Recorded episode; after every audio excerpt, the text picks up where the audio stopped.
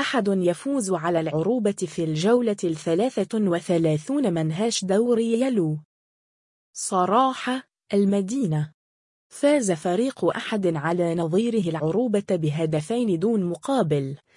في المباراة التي جمعتهم اليوم على ملعب الأمير محمد بن عبد العزيز بالمدينة المنورة وذلك ضمن منافسات الجولة الثلاثة وثلاثون من دور الدرجة الأولى لكرة القدم.